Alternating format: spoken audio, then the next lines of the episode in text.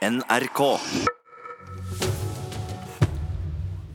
Så er Kulturnytt ved Anne Jetlund Hansen kommet til studio med gjester, Anne. Løpende inn, faktisk. Vi har med oss Lars Lillo Stenberg og Hanne Skartveit. Velkommen til Nyhetsmorgen. Tusen takk. For, for drøyt tre år siden, i begynnelsen av 2015, så ringte telefonen din, eh, Lars Lillo Stenberg, og i den andre enden var Torvald Stoltenberg. Hva var det han sa? Han eh, sa at han hadde lurt på om jeg kunne tenke meg å skrive en eh, bok om Nini Stoltenberg. Og det kunne du? Eh, det sa jeg at jeg ble veldig overrasket over å, å bli spurt om. Eh, selvfølgelig sa jeg det. Eh, um, men jeg skjønte jo sånn umiddelbart litt hvorfor han spurte meg likevel. Jeg skjønte sånn ante årsaken til det. Fordi at han visste at vi hadde et, et ganske nært vennskap i ungdommen. Og, og at han hadde en sånn idé om at kanskje jeg hadde muligheter for, muligheter for å klare å ut, gi uttrykk for et eller annet som han følte var kunne bli fint i en bok. For hun døde altså i 2014, 51 år gammel. Du ble kjent med henne tidlig i ungdommen. Husker du første gang du møtte henne? Eh, ja. Eh, det var vel på en fest, 19-årsdagen til Camilla, som jeg egentlig ikke var invitert til, men som, som jeg havnet på likevel. Storesøsteren, altså? Ja. ja. Og så begynte dere på Steinerskolen sammen, og dere hadde hus, sommerhus ved siden av hverandre, nesten. En i Ula og en i Kjerringvik. Ja. Jo da. Eh, det var de to, to, viktige tingene. var jo det med den gjengen vi tilhørte på Steinerskolen, og så var det dette med sommerferien og opp igjennom da, den tiden der.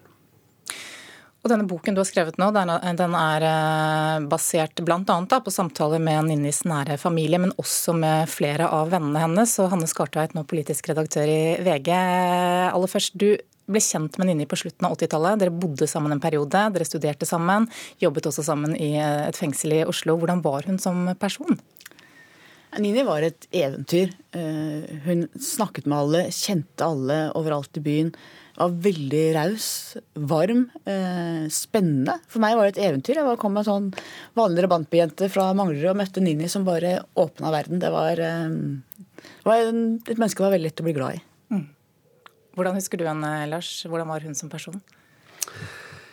Jo, altså, det var jo slik at hvis du var på en fest med Ninni, så var det ikke sånn at du tenkte at søren skal jeg kanskje stikke et annet sted hvor det er morsommere folk å være sammen med, liksom. Det, det var ikke sånn. Man følte at, at hvis man var der, så var man der man skulle være. Eh, fordi det var eh, Og jeg hadde en fine eh, samtale med henne på, på tomannshånd òg, også om sommeren. Eh, ikke alt som var forbundet med festing og sånn, men det var veldig mye latter og, og moro. Alltid liksom en åpning for noe, et eller annet som var komisk eller et eller annet som var gøy, liksom. Men det var mange fasetter ved det, egentlig. Men uh, det var en fin tid. Mm. Hanne Skartvedt, det mange lurer på er jo hvordan kan ett barn i en søskenflokk bli avhengig av heroin, og en, en annen i den samme søskenflokken bli statsminister? Hva tenker du om det? Det er et mysterium. Samtidig så er det en ganske vanlig historie. Altså Sånt skjer, og livet er skjørt. Det er en ganske tynn linje tenker jeg, mellom at ting går veldig bra i livet, og at ting går helt gærent. Jeg tror aldri vi får svaret på hvorfor Ninni ble narkoman. Det kan være tilfeldigheter, det kan være ting som ligger i henne. Men livet er sammensatt, og menneskene er sammensatt. Jeg tror ikke det er noe annet svar enn det. Mm.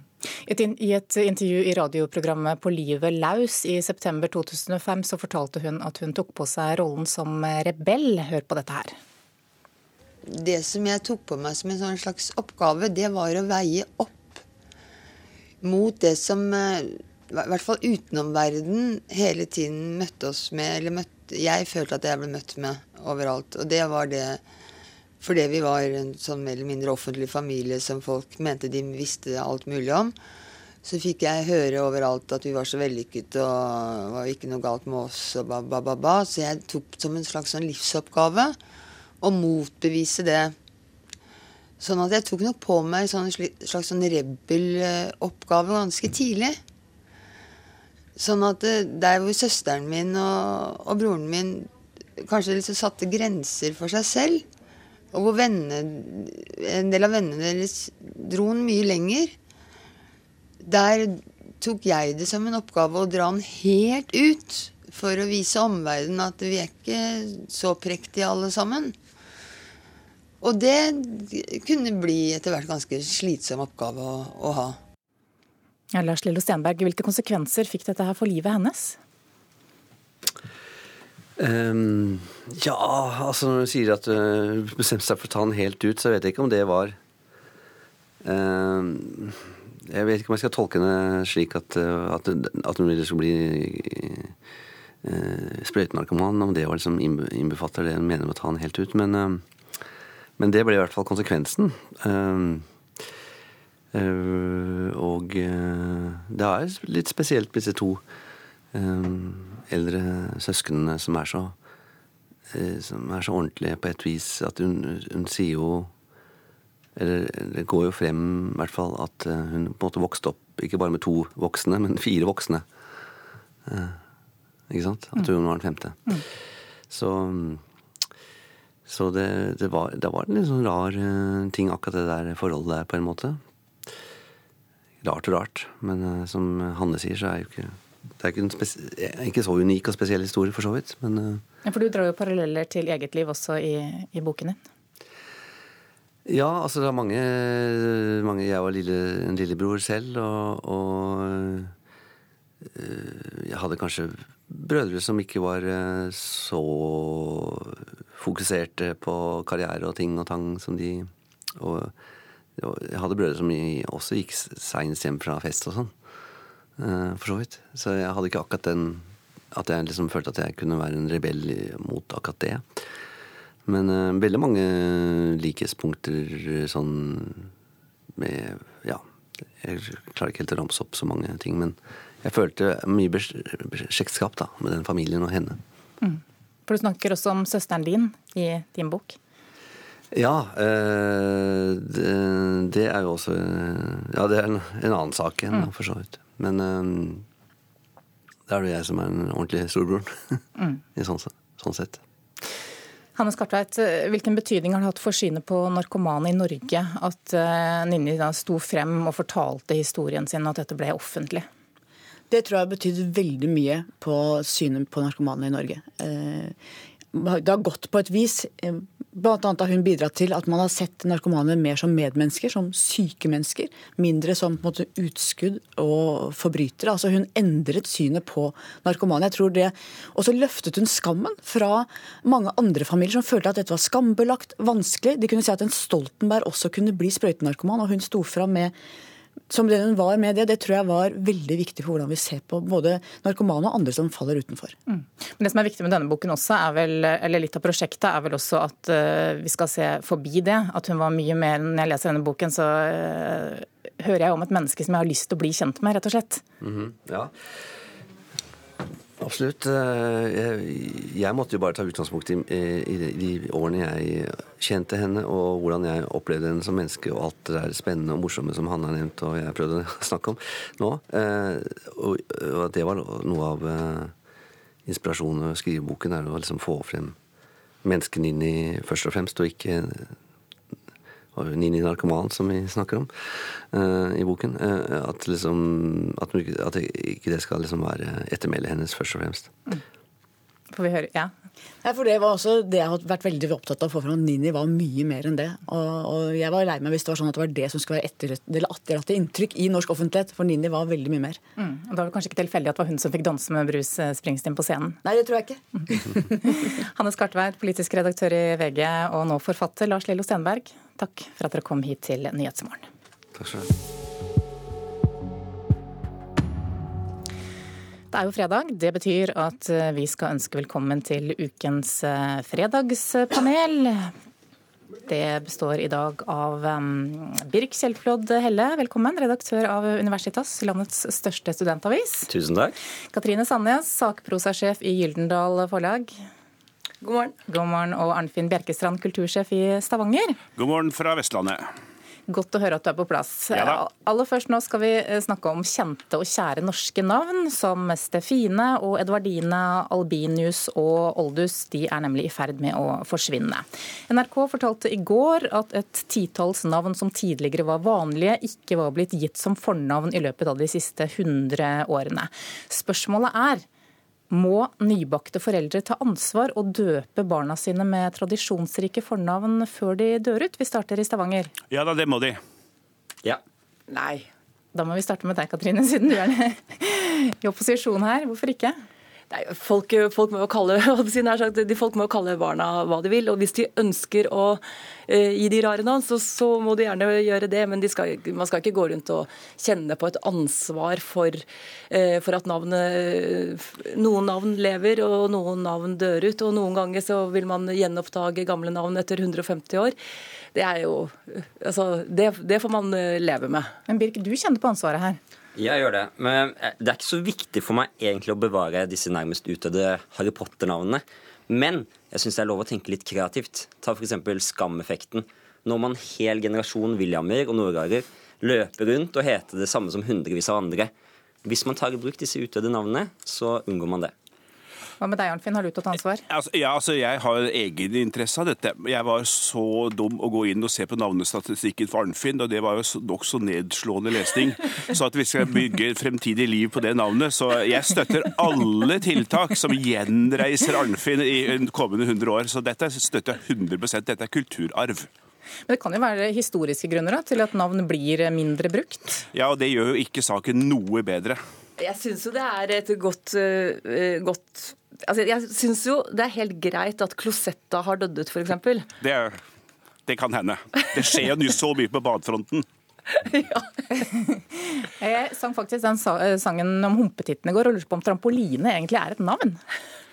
Om det ikke er det, så tenker jeg at det så mange trampoliner der rundt i Norges land, så blir det vel det snart, antageligvis. Ja, og Så sier jo navneforsker Jørgen Auren ved Statistisk sentralbyrå at eh, alt gammelt blir pent, bare det blir gammelt nok, sier han. Hva tror du, Birk? Uh, ja, det tror jeg. Og, fordi navn det er mote, og det er derfor man ikke burde følge dem. For alt som er fint, det blir stygt, og alt som har vært stygt, det blir fint. Hvis man unngår å følge trendene, så har man funnet nøkkelen til det perfekte navn. Ok, Så det er sykluser, rett og slett? Absolutt. Mm. Jeg finner i hvert fall mye trøst i det utsagnet.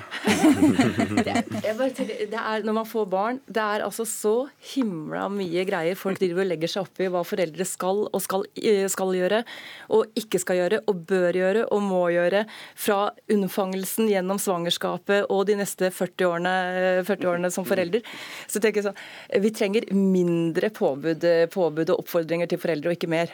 Ok, Nå forlater vi rett og slett temaet, så ikke noen skal føle seg støtt her. Ehm, vi skal snakke om det at arkeologer har funnet restene av Oslos hovedgate fra middelalderen. Enestående godt bevarte tømmerstokker. Og nå skal de rett og slett kastes.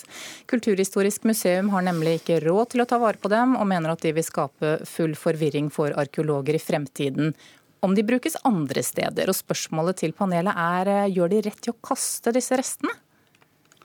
Nei, det gjør de ikke. Nei. Nei starter vi med deg, Birk. Ja, Her må kulturminister Trine Skei Grande på banen med en gang og drysse noen millioner over Kulturhistorisk museum. Eh, disse tømmerstokkene de er kanskje ikke så storslagne eller imponerende, men de skaper et bånd mellom oss og Oslo for 800 år siden. Dette må tas vare på. Helt enig. Ja. Helt enig. Ja. Her må det ressurser til. Må, altså Museene trenger et skikkelig løft. Og Det trengs de for å bevare kulturarv. Så tenker jeg det. Vi har jo så lite marmor i dette landet. Den eneste ruinen jeg kan tenke meg, det blir Operaen om noen uh, hundre år. Så vi, vi, må ta vare på det som er i treverket. Når vi var der at vi bygde ting i treverk. Men må vi ta vare på alle ting da, som er fra gamle dager? Alle må ikke ta vare på alt, men noen må ta vare på noe. Og dette er faktisk snakk om Oslos hovedgate. Jeg mm. håper at Karl Johan huskes på et eller annet vis om 800 år. Ja, jeg, tenker, jeg, tenker, at Den norske historien er jo uh, veldig kort. Altså, mm. vi, har, vi, har, veldig lite uh, vi har veldig lite som vi har tatt vare på som er uh, altså, ordentlig gammelt. Mm. Og her, man, her, graver man jo da opp noe som egentlig er helt fantastisk. Mm. Og som knytter en veldig sterk forbindelse til Oslo i dag. Eh, på sitt mest prangende i det området som skal stå igjen som Olje-Norge, som en bauta over Olje-Norge, og får en direkte forbindelse tilbake til, til middelalderen.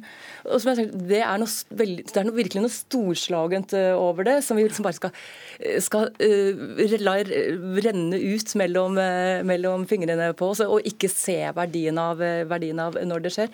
I Stavanger, Stavanger og dette vet, vel, vet du mer om, Arnfrid, så har man jo tatt vare på noe av den veien som, som man fant nede ved, ned ved Kongsgård, og mm. lagt, lagt, glass over, sånn at, sånn at man faktisk kan, kan gå der.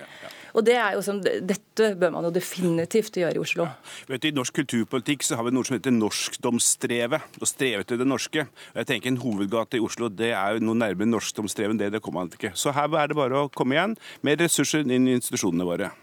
Ok, Men burde vi kanskje aldri ha gravd dem opp, da? De kunne jo ligget, eh, ja, de kunne jo ligget der godt bevart under togskinnene, og så kunne vi eh, funnet dem om, om, noen år? Det ligger vel enda mer, tenker jeg. Men, eh, men, Det er jo et morsomt poeng. Men jeg tenker treverk som har ligget så lenge, det bør bevares. Altså, jeg syns jo det er helt fantastisk også dette med, dette med at nei, fremtidige arkeologer kan bli forvirra hvis, hvis, man flytter på det. og jeg tenker sånn Snakk om å lage seg, lage seg, problemer. Eh, la oss heller sørge for at noe blir ødelagt for alltid, noe som er uerstattelig, sånn at ikke mine fremtidige kolleger i en hypotetisk tenkt framtid kanskje vil kunne få problemer. Det er jo, ja. uh, altså, kan jo skape sånn, forvirring, da. Ja, men, men hvorfor, hvorfor, skal man lage verden lettere for fremtidige forskere enn for dagens? Jeg tror fremtidens arkeologer kommer til å bli mer forvirret over at man kaster disse tømmerstokkene i verdens rikeste land. Ok, Vi drar videre til eh, Sverige her i Fredagspanelet nå. Här blir det Kulturnytt om hashtag knytblus. Idag har en rad ministrar och partiledare tagit ställning i konflikten i Svenska Akademin på sociala medier. Bland annat genom att klä sig i knytblus. Det är plagg som förknippas med före detta ständige sekreteraren Sara Dan. Ja, det handlar alltså om att många i Sverige nå, menn som kvinner faktisk, har iført seg knytblus den siste uken. Vi snakker altså om eh, bluser som knytes i halsen med en eh, sløyfe. Det er altså et opprør mot at lederen av Svenska Akademien, som deler ut nobelprisen i litteratur, måtte gå av. Og spørsmålet til panelet er er knytblus et effektivt eh, protestplagg? Nei. Ja. Ja. Det starter med deg, Katrine. Nei, altså, eh, jeg vil bare si Knytblus er først og fremst utrolig fint. Så jeg mener at alle bør egentlig bruke knytbluser. Men, menn som kvinner hver dag. Eh, men, men eh, som, så eh, jeg vil jo synes det er synd om knytblusene blir, blir, isolert til dette. Men når, når det er sagt, så syns jeg jo det er ganske morsomt hvordan dette, hvordan dette spontane skjer i øyeblikket der og da, og hvordan det, hvordan det blir, blir, et fenomen. Jeg syns det er morsomt å se på, men, men øh, jeg tenker jo, tenker jo Jeg lurer jo, jeg lurer jo liksom samtidig litt på øh, hva er det hva er det man egentlig tar stilling, tar stilling til her, da, med, med, knytblusene? Jeg var litt spent da dere kom her i dag. Jeg eh, tenkte noen kanskje hadde tatt på seg en knytblus. Ingen av dere to i studio. Hva med deg, Arnfinn? Nei, eh, for å si det sånn, det å gjenreise knytblus, eller altså, for å si det sånn, det er ikke mitt favorittplagg. Det må jeg kunne innrømme. Men jeg tenker at det å bruke plagg og bekledning i protestaksjoner, det syns jeg er jo nokså relevant. Vi har jo i Norge har vi jo nisseluer og binderser, og ja, nå er ikke binderser noe klesplagg akkurat, men, men det, er jo, det, er jo, spennende. Men eh, plagget knytblus er ikke min favoritt. Men kan det brukes til å vise solidaritet, så er det helt fint for meg. F.eks. som det nye Palestina-skjerfet? Ja, kanskje. Eh, Palestinaskjerf for borgerskapet? ja, mulig. Ja.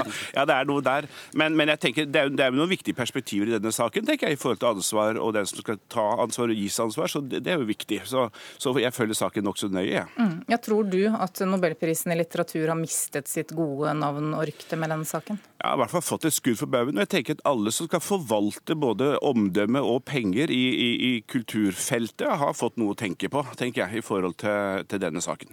Men Viser denne striden at Sverige er et veldig annerledes navn enn Norge? Uh, ja, det vil jeg absolutt si altså, øhm, ikke, og det, Da tenker jeg på denne adelige og råtne institusjonen Svenske Akademien. At man har noe sånn i 2018.